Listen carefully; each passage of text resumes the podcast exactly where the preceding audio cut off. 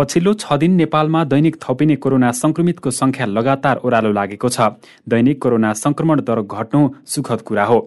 एक साता अघिसम्म करिब पन्ध्र प्रतिशत हाराहारी रहेको संक्रमण दर आज भने दस प्रतिशत भन्दा कममा झरेको छ। कोरोना संक्रमण दर घटे पनि जोखिम भने कायम रहेको बताउनुहुन्छ स्वास्थ्य मन्त्रालयका सहप्रवक्ता समीर कुमार अधिकारी। यो सकारात्मक सङ्केत हो। धेरै व्यक्तिहरू कोभिड उन्नाइसको पूर्ण मात्रा पुरा गरिसक्नु भएको छ र सर्वसाधारणको पाटोको हिसाबले हामी केही महिना अगाडि जुन किसिमको ठुलो जोखिममा थियौँ त्यसको तुलनामा कम छौँ। तर जोखिम न्यून भएको हो भन्ने हिसाबले चाहिँ बुझ्न हुँदैन।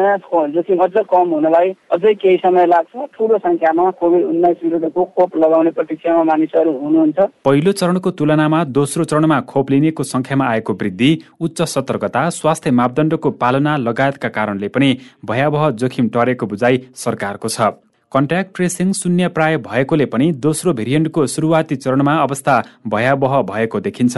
शुक्रराज ट्रपिकल तथा स्वररोग अस्पतालका निर्देशक डाक्टर शेरबहादुर पुन।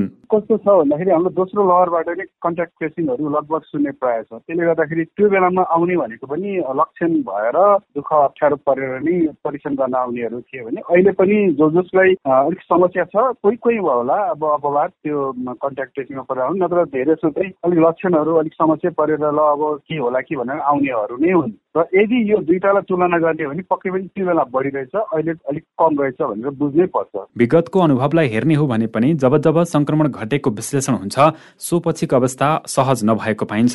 पाँच प्रतिशत भन्दा तलमा झरेको संक्रमण दर सो लगत्तै भयावह स्थितिमा पुगेको थियो।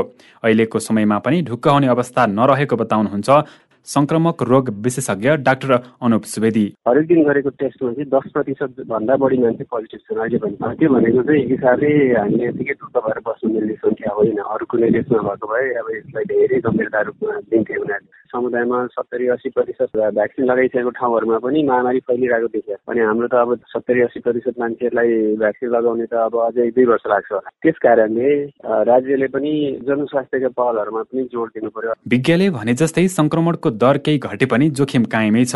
खुल्ला भएका सबै क्षेत्र चाडपर्वको आगमनले त झनै कोरोनाको संक्रमण बढाएको छ। केही दिन संक्रमितको संख्यामा कमी देखियो भन्दैमा त्यसको आधारमा संक्रमण घट्न थाल्यो भनेर थोरै पनि हेलचेक्राइ गर्यो भने झनै भयावह बन्न सक्छ। रेडियो क्यान्डिडका लागि राजेश रम्तेल।